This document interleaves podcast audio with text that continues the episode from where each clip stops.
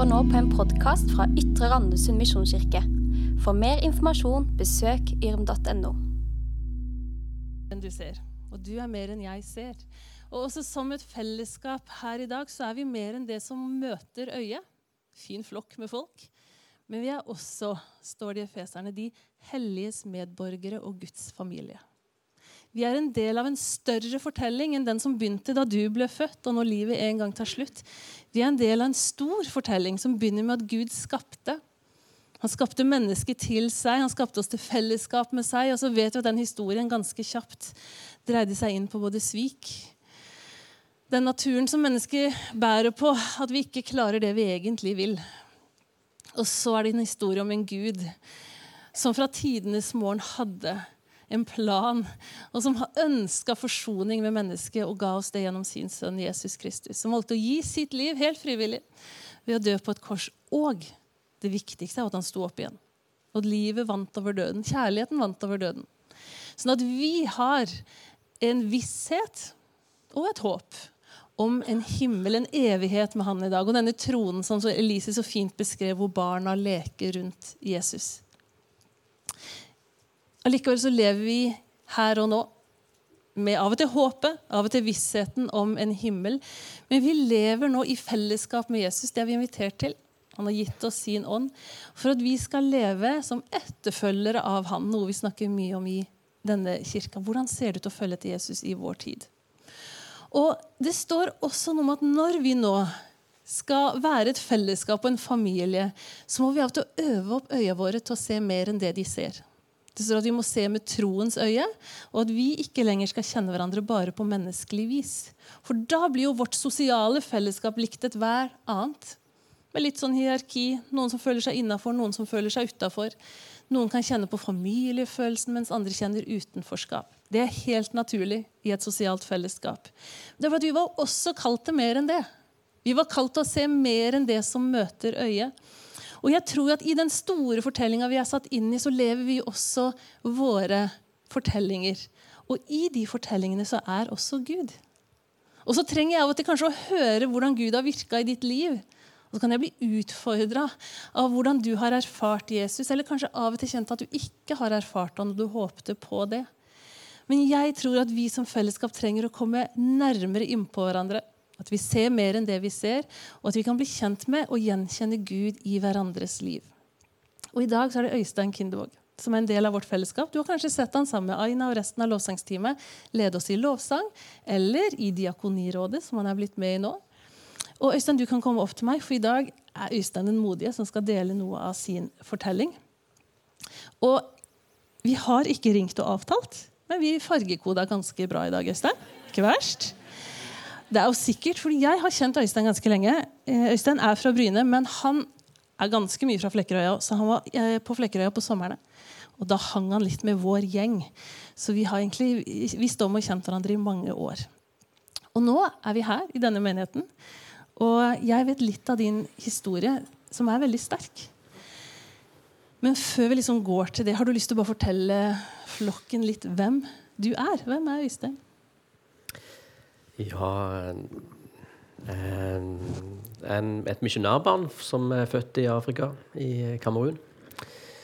Av eh, to eh, flotte foreldre som eh, brant veldig for Gud. Men òg var veldig gode foreldre med oss, så vi bodde med dem hele tida der ute. Mm. Ja. Og så er det mye historie rundt der som jeg kommer tilbake til. Um, og i dag så bor jeg her i Kristiansand og er gift med Aina og har uh, en sønn som heter Aron. Og så har vi en, en annen gutt som heter Fredrik. Ja. Så det fin kommer familie. mer etter hvert, men det, ja. det er iallfall litt sånn nå, da. Det er en fin familie. Ja. Og det kan jo av og til være det vi ser. Det mm. som er nå. Det som ser fint ut. Men du har også opplevd noen stormer i livet, Øystein. Ja. Eh, har du lyst til å fortelle? Mm. Uh, ja. Jeg kan si, nå, nå, er jeg 44 år uh, og er her. Som sagt, uh, født i Afrika. Kom hjem da jeg var seks år, til Bryne. Um, og um, så er jeg liksom vokst opp på Bryne og halvt på Flekkerøya. Um, når jeg var ni år altså Vi vokste opp alltid i kristen hjem og har alltid gått i menighet. Når jeg var ni år, så fikk mamma kreft for første gang.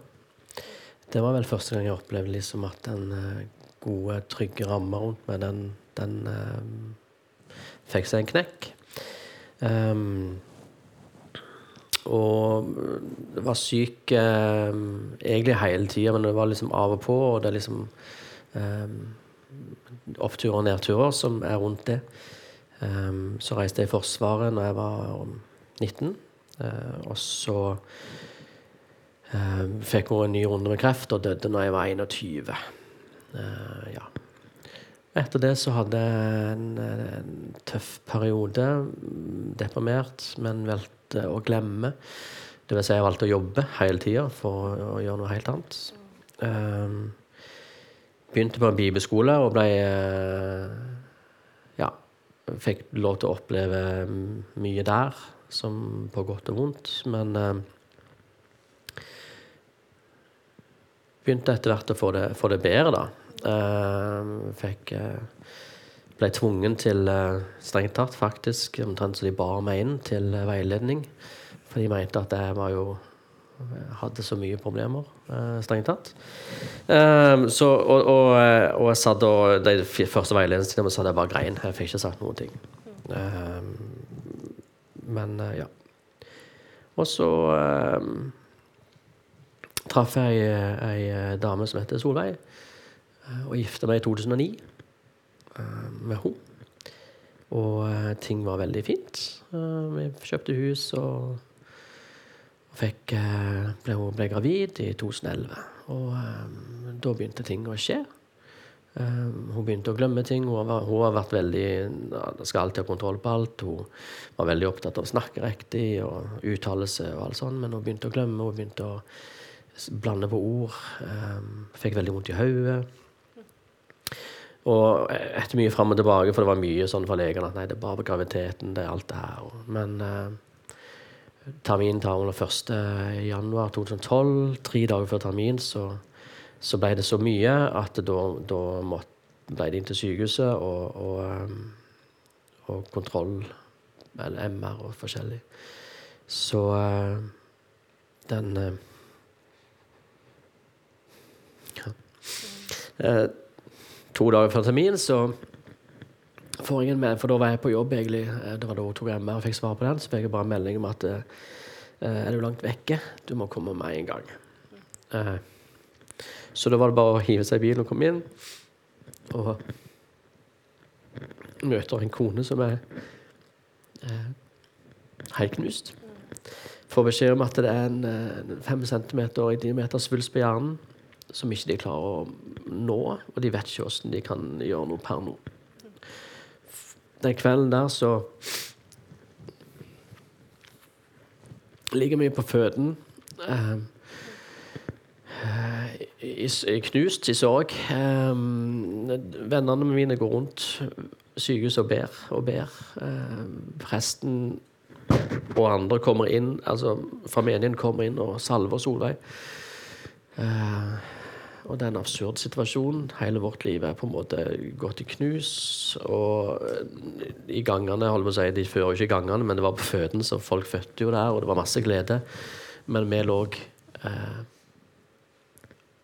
og ante ikke hvordan livet skulle bli. Så vi ble flydd til Haukeland eh, sykehus dagen etterpå. Mye fram og tilbake, og Aron ble tatt med keisersnitt eh, eh, på termin 1.1. 2012. Og det var lang, starten på en veldig lang reise. Det var eh, Det var ikke så mye de kunne gjøre i utgangspunktet, men så var det en eh, kirurg i, i Canada som, som eh, ville ta på seg oppdraget og prøve å, å operere henne. Så det ble flytt til Canada. Operasjon. Ting var vellykka. Eh, masse håp. Eh, ble sendt hjem. Tre måneder senere var hele svulsten tilbake. Jeg ble sendt til Canada på ny. Operasjon. Alt var vekke nesten, men da er han veldig tydelig på at dette er veldig aggressivt.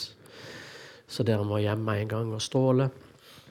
Og ble sendt hjem, strålte, og så Så gikk det litt bedre eh, et års tid, og så begynte alt å vokse på ny. Og da var det å bli sendt til USA, for da hadde kirurgen flytta dertil. Eh, og det ble en ny, og Aron var jo med på alt. Eh, det ble operasjon på ny. Eh, og da fikk vi bare beskjed om at hvis det hei, altså, kirurgen sa hvis det hele tatt skal være et håp om at hun kommer til å leve, så må dere tilbake igjen innen ei uke og få begynt cellegift. Og det gikk på dagen, og kom tilbake på ei uke og begynte cellegift. Eh,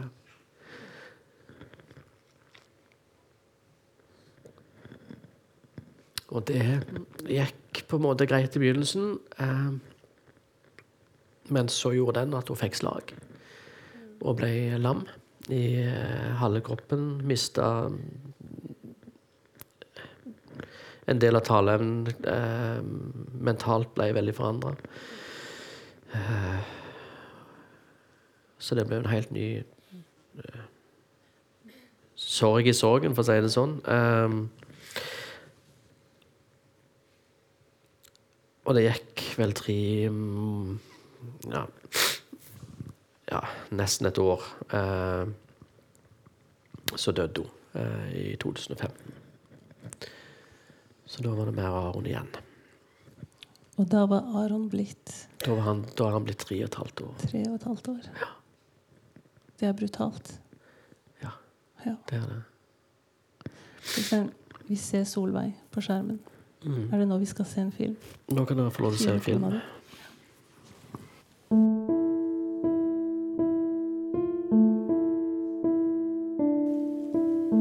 Jeg håper jeg er eh, ikke til stede. jeg er eh, under gjennomsnittet interessert i å dø. Ehm, og det, det føles bare så feil. Eh, men jeg må jo faktisk tenke at det er en mulighet. Ehm, og tanken på det er eh, jeg tror på en måte ikke at jeg kommer til å få det så vondt sånn sett, men det jeg syns er så veldig vanskelig, det er å tenke på eh, På Aron og Øystein som sitter igjen. Jeg føler meg på en måte trygg på at uh, uansett hvordan det går, så havner jeg kanskje et greit sted, men, men det er noe med å ikke få lov til å være der.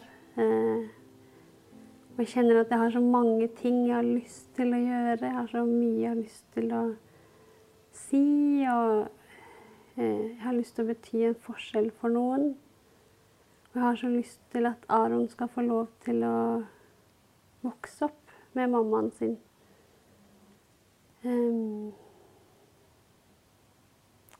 og da er tanken på at jeg kanskje ikke får lov til det, den er innmari vanskelig å, å svelge. Og heldigvis så har han verdens beste pappa. Um, jeg syns ikke det holder. jeg syns han skal få lov til å ha mammaen sin. Um, men egentlig er det jo mest mammaen som har lyst til å ha Aron. Det er jo det som Det er jo en måte min, eh, min egoisme, kanskje, eller min, mine ønsker. Jeg prøver å velge hver dag eh, å finne noe godt i den dagen. Det er sterkt å se henne. Solveig var et sprudlende menneske. Så ble hun sterkt prega av sykdommen som du forteller.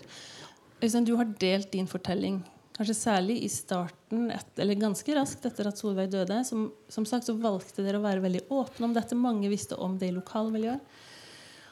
Så du har stått og delt, og du sier at det har vært en type terapi. Men du har kanskje ikke delt så mye om hva dette har gjort i forhold til troa di. Hvor var Gud i dette? Du har opplevd to ganger at eh, det kjæreste for deg eh, har blitt ramma av kreft. Og til tross for mange bønner. Det har vært mobilisert et enormt forbundsnettverk både for din mamma og for Solveig. Så dro begge hjem til himmelen. Og det hadde egentlig ingen av de noe lyst til. Hva har det gjort med din tro og ditt gudsbilde, Øystein? Som sagt, mamma og Solveig, eh, begge to levde veldig for Gud. Eh, Solveig var diakon og hadde bare et, en kjempestort ønske om å få lov til å jobbe som det, og få lov til å, å jobbe for Gud. Og brant ekstremt mye for det. Eh, jeg husker når jeg ble sendt eh, altså Jeg var hjemme fra Forsvaret eh, tre måneder før jeg skulle være ferdig. Og, og, det var dagen før jeg skulle reise inn i Forsvaret, så kom mamma og, og fortalte at hun var blitt syk igjen. og da datt jeg veldig sammen. Og så sa hun at, at jeg måtte ikke være lei meg, for at hun hadde fått veldig veldig tydelige ord fra Gud. Og så leste hun Salme 118, vers 17-18 for meg. Der det står 'Jeg skal ikke dø, men leve og fortelle om Herrens gjerninger'. Hardt har Herren tuktet meg, men han overga meg ikke til døden. Mamma levde i full overbevissthet om at hun ikke skulle dø. Hun kom til å bli helbreda.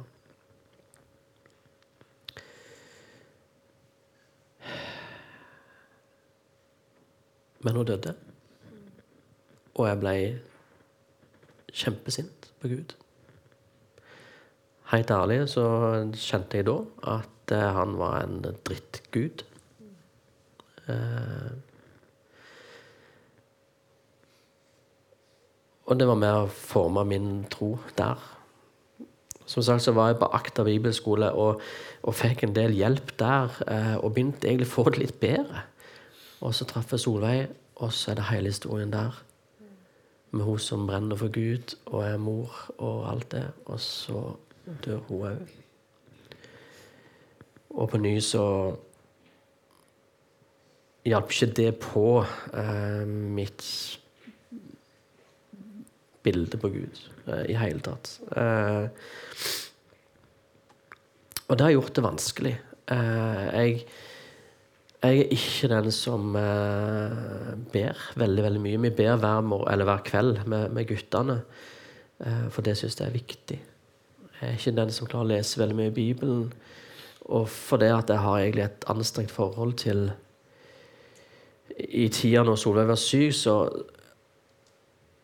Og det er jo fordi folk bryr seg, eh, så får en veldig mye um, bibelvers. Um, og et av de vi fikk, det, det var fra 5. Mosebok, kapittel 83 og vers 25. Og det er et utdrag av det verset, og det er 'Som dine dager er, skal din styrke være'. Og vi kjente oss ikke igjen i det hele tatt. Det var for oss det, var, det er fint at folk tenkte på oss. For oss var det bare en byrde å få det, få det bibelverset der. For det, at det, det talte ikke til oss i det hele tatt.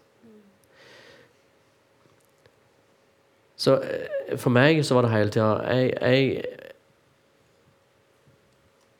kjente ikke Gud på noen som helst måte til stede. Jeg syntes det var vanskelig.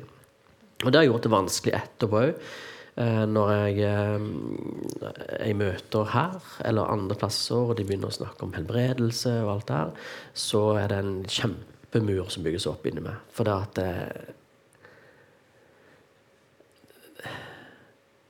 Jeg skal ikke si at jeg blir provosert av det, men jeg, men jeg kjenner at det, det er vanskelig.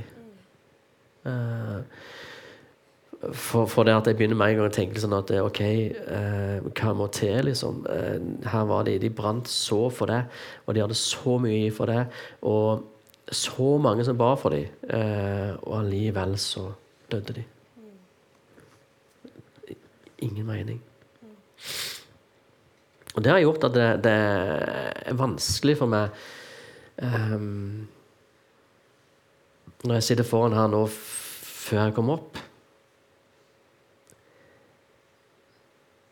så, så kjenner jeg at den type lovsanger er gode, men de utfordrer meg utrolig mye. For det at det er den der eh, Det der å stole og bare gi seg helt over til Gud og stole på Han, og så kjenner jeg bare at øh, Jeg klarer ikke det. Og det mm, Ja. Så det har vært med å forme meg, og det gjør at jeg, jeg har tvilt mye, og jeg har vært mye sint. Men allikevel så er det et eller annet inni der som holder meg fast. Det er mange ganger jeg har tenkt at nå Spesielt etter Solveig døde, helt i begynnelsen der, da ville jeg bare dø. Bokstavelig talt. Jeg orka ikke. Jeg var langt nede. Jeg hadde bare lyst til å dø.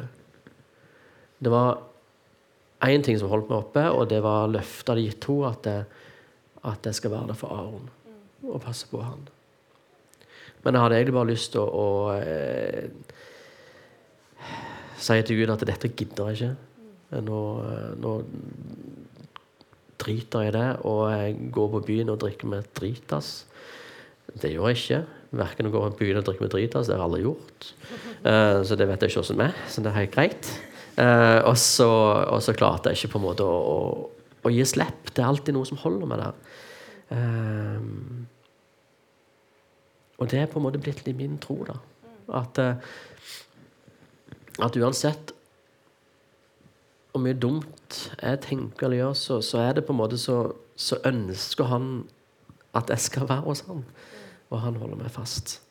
Uh, og du spurte meg jo om eh, Litt om Bibel altså, liksom bibelvers og, og alt sånt. Men, men for meg, som sagt, bibelvers er vanskelig. Eh, men der, der jeg på en måte har funnet min kontakt med Gud, det er gjennom lovsangen. Det er eh, Noen lovsanger er fryktelig vanskelig å synge for meg, for at jeg kjenner meg ikke igjen. Eh, men for meg er det nok den moderne lovsangen som er veldig happy og glad. Den, den eh, er ikke jeg så veldig glad i, egentlig. Men eh, mer salmer eller lovsang som omfavner på en måte hele livet omfavner det som er tungt, og det som er vanskelig, men òg det som er godt. Og der eh, Der møter jeg på en måte Gud. Eh, ja. Og da er du i godt selskap. Det er flere klagesanger. Og lovsangs- og takkesalmer. Det er en hel bok avsatt til klagesanger i Bibelen. Så det er en tankevekker i hvilken grad de nye sangen, sangene omfavner alle aspekter ved livet. Og allikevel den bønnen vi kan be i sangene våre. Klarer det ikke helt, men det er min bønn at dette blir sant. Jeg vil gi deg alt. Selv om det kanskje opplevdes som han tok alt. Mm. Og så har det gått noen år. Du sa noe om at, eller Vi snakka om at eh, vi av og til ser Gud i bakspeilet. At vi ser at Gud var der ikke med det bønnesvaret alle så intenst ønska seg, men han var der. Og hvordan ser du tilbake på Guds hånd i din historie? Jeg tenker at eh, Spesielt i tida med, med Solveig Så eh, jeg klarer, ikke, jeg klarer egentlig ikke ta igjen. Vi, ba helt sikkert en del. Jeg klarer, det var en, alt der er på en måte en boble. Alt var fokus på å eh, overleve og få henne frisk. Eh, men det jeg husker veldig, veldig godt Og det, det var på en måte Da var vi medlem, eller vi var med i en menighet som heter Frøyland Orstad på, på Jæren. Eh, og det var, bare, det var ikke bare menigheten, men det var egentlig hele bygdesamfunnet som omfavner oss, eh, og som eh, kom, altså Alt ifra at de kom med middag, eller at de kom og tilbød seg å passe på Aron, eller om det var at de ville komme og vaske huset, til til en veldig sånn stor ting som at de, det var noen som tok For vi bodde i et rekkehus som som hadde en oppkjørsel med, med bare masse eh, sand og grus. Eh, og så var det på en måte ingen eh, tak over bil eller noen ting. Eh, så da kom det en, eh, en av mennene der og så sa han at du vet hva, jeg, jeg har tatt meg litt frihet, og så har jeg ringt rundt, og nå kommer det folk som legger stein i hele oppkjørselen, og så de, bygger de en carport til dere. Og det er jo altså en, altså, en forventer ikke Det er ikke det at folk skal gjøre sånn noen ting, men, men eh, Og vi tenkte ikke Ja, vi tenkte helt fint, eh, vi var takknemlige for det. Noen få uker etterpå, når de var ferdig, så får Solveig slag. Og og den tida der så måtte jeg lære meg tunge forflyttelser for å få henne over fra bil på en sånn snurrebrett opp i rullestol. Um, og den velsignelsen det var å slippe å gjøre det under på Jæren kan det regne og blåse noe veldig. Å slippe det, gjøre det, altså stå under taket og kunne gjøre det. Og det å kunne kjøre rullestolen inn og ut av huset uten å dra med seg en hel haug med sand og drit. Den, den handlinga de gjorde der, fikk så utrolig mye større hva skal jeg si, konsekvenser eh, på, på en god måte. da, for, for altså, Det hadde så større, langt større virkning og, enn det de noen ganger hadde tenkt. Um, og, og, når jeg ser tilbake igjen sånn, så ser jeg veldig mange det var, det Veldig mange kaller det for bønnesvar på bønner jeg egentlig aldri har bedt, men Gud så foran på det som kom, og la kanskje ting til rette for at eh, OK, hun ble ikke helbreda, det, skulle, det, er jo kanskje det jeg skulle ønske, for all del, men men allikevel så, så, så han oss i det hele. Det iallfall jeg å tro, eh, ut fra det som, som har vært. Og, og den velsignelsen som, som alle eh, små dryppene òg, med folk som bare kommer og, og, ga litt mat, eller var sånn, eh, fikk en mye, mye større betydning enn det som kanskje folk skulle tro. da. Eh, Det er jo kanskje også derfor jeg har sagt ja til å være med i diakonigruppa her. For jeg håper at min Hvis jeg kan få lov til å bety noe for noen andre med min historie, og Gud virker gjennom meg, så vil jeg veldig gjerne det. Så eh, ja. Og mot slutten skal vi også fortelle at Solveig ønska seg at alle i begravelsen hennes skulle få bolle. Fersk bakverk. Det Solveig ikke hadde tenkt på, var hvor mange som kom i den begravelsen. Øystein. Ja, når Solveig, eh, når Solveig uh, fødte Aron, eller når hun ble tatt med keisersnitt, så ble hun trilla inn på intensivovervåking og måtte ligge der i seks-syv timer. Um, hun fikk ikke se Aron, hun fikk ikke se meg. Um, og lå bare der og veldig usikker på Altså alt var usikkert. Og da skrev hun et brev, langt brev, uh, til Aron. Um, med ting hun hadde lyst til å fortelle han om, om sitt liv og om sin familie, om meg og uh, at hun var veldig utadvendt og veldig glad i leir. Og pappa han var innadvendt og skikkelig drittype, for han likte ikke leir og alt det der. Uh, så hun håpet at hun arva han, nei, hun og ikke meg, og alt det der. Uh, han har blitt like mer av meg. men, men, men da, da, skrev hun òg en, en, oversikt over åssen hun ville at begravelsen skulle være. Hvilke sanger hun ville ha. Eh, men òg at hun ønska at alle, det skulle være en happy begravelse. for å si det sånn. Eh, den skulle være prega av glede, og at når folk kom inn, så skulle det lukte nybakte boller i kirka, og alle skulle få boller. Eh, men hun så som sagt ikke helt for seg at at kirka kom til å være nesten 1000 stykker, og, og at det var live-overføringer. Det, det, ble helt absurd på mange måter, men det ble veldig, veldig stort. Eh, og på ny der òg, så Når Solveig døde, så, så, var jeg helt knust. Jeg orker ikke tenke på noen ting. Og det jeg skulle begynne å tenke på å velge ut kiste og klær for, uh, for hun som nettopp var død i alder 30 år. Eh, og gravstøtte og alt det, det, er liksom ting som du aldri tenker på du skal tenke på når du er i den alderen. Og når menigheten da kom og sa det, at vet du hva, vi, du skal ikke tenke på det, Øystein. Vi, vi, tar oss av festen, og vi ordner med den maten der, og vi ordner med, med, alt rundt det. Menigheten stiller opp med boller og alt. Eh, på ny så var det sånn en styrelse, tenker jeg, inni der. Mm. Og nå er du her med din fine familie. Ja. Det har skjedd mye siden 2015. Ja. Nå er jeg her, og det har vært en beintøff uh, periode etter 2015. Gått, vært langt nede. Uh, veldig deprimert. Fått mye hjelp av psykolog. Så har jeg kommet opp igjen og begynt å kjenne på at livet er bedre. Og så får jeg lov til å treffe Aina. veldig flau for å si det, men vi traff hverandre på nettdating. Men uh, ja. Uh, og det var jo en, en, eh, absolutt et, bønnesvar for meg, eh, og en stor velsignelse. Um, måtte ta et valg om å flytte ned her sammen med Aron og rive han opp ifra vennene sine og det der. Det har gått bra. Han har, begynt, han har funnet seg til rette. Han har det veldig fint sammen med Fredrik, som, som eh, sønnen til Aina. da, og og vi har det veldig bra og fint med hverandre. Krangler aldri, og alt er bare helt topp. Eh, nei, nei da, men Nei, vi har det veldig fint, og er utrolig heldig som har fått lov til å oppleve det på ny. Det å få lov til å ha en familie og ha For meg blir det min grunnmur som er i Aina, og um, at vi har hverandre. Og det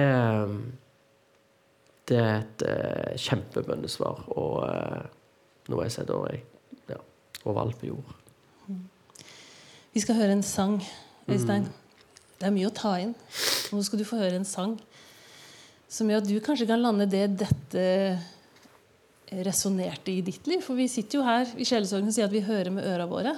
Og så lytter vi med liva våre. Så kanskje har dette truffet noe i deg som det kan være fint å bare kjenne litt etter hva er. Og hvilke låter er det vi skal høre? Skal, jeg, jeg, jeg, sa jo da at lovsanger har betydd veldig mye for meg.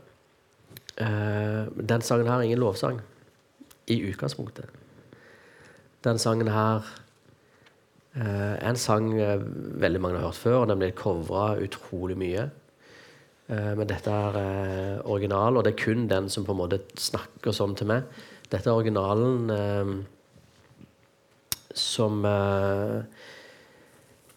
av Bob Dylan. og sangen heter 'Make You Feel My Love'. Og grunnen til at det er akkurat den sangen, det er fordi Bob Dylan har en utrolig spesiell stemme. Veldig, kan kalle det for en hås og sliten stemme, men allikevel mye varme. Og for meg, så spesielt i tida etter Solveig døde, når jeg var veldig langt nede og egentlig sint på Gud, så hørte jeg mye på den sangen her. Og for meg så var det Jesus som sang til meg. For meg så var det Jesus, en sliten Jesus med hans slitne stemme, men allikevel med mye varme, som sang. Og sliten på grunn av at han har gått gjennom lidelse i livet sitt. Han har gått gjennom opp- og nedtur. Han har kjent på sorg. Han har kjent på Det har jeg gått gjennom. Og han sier til meg òg at eh, OK, du er kanskje ikke klar for helt å ta imot meg ennå, men jeg er klar for å ta imot det. Og jeg elsker det med alt jeg har.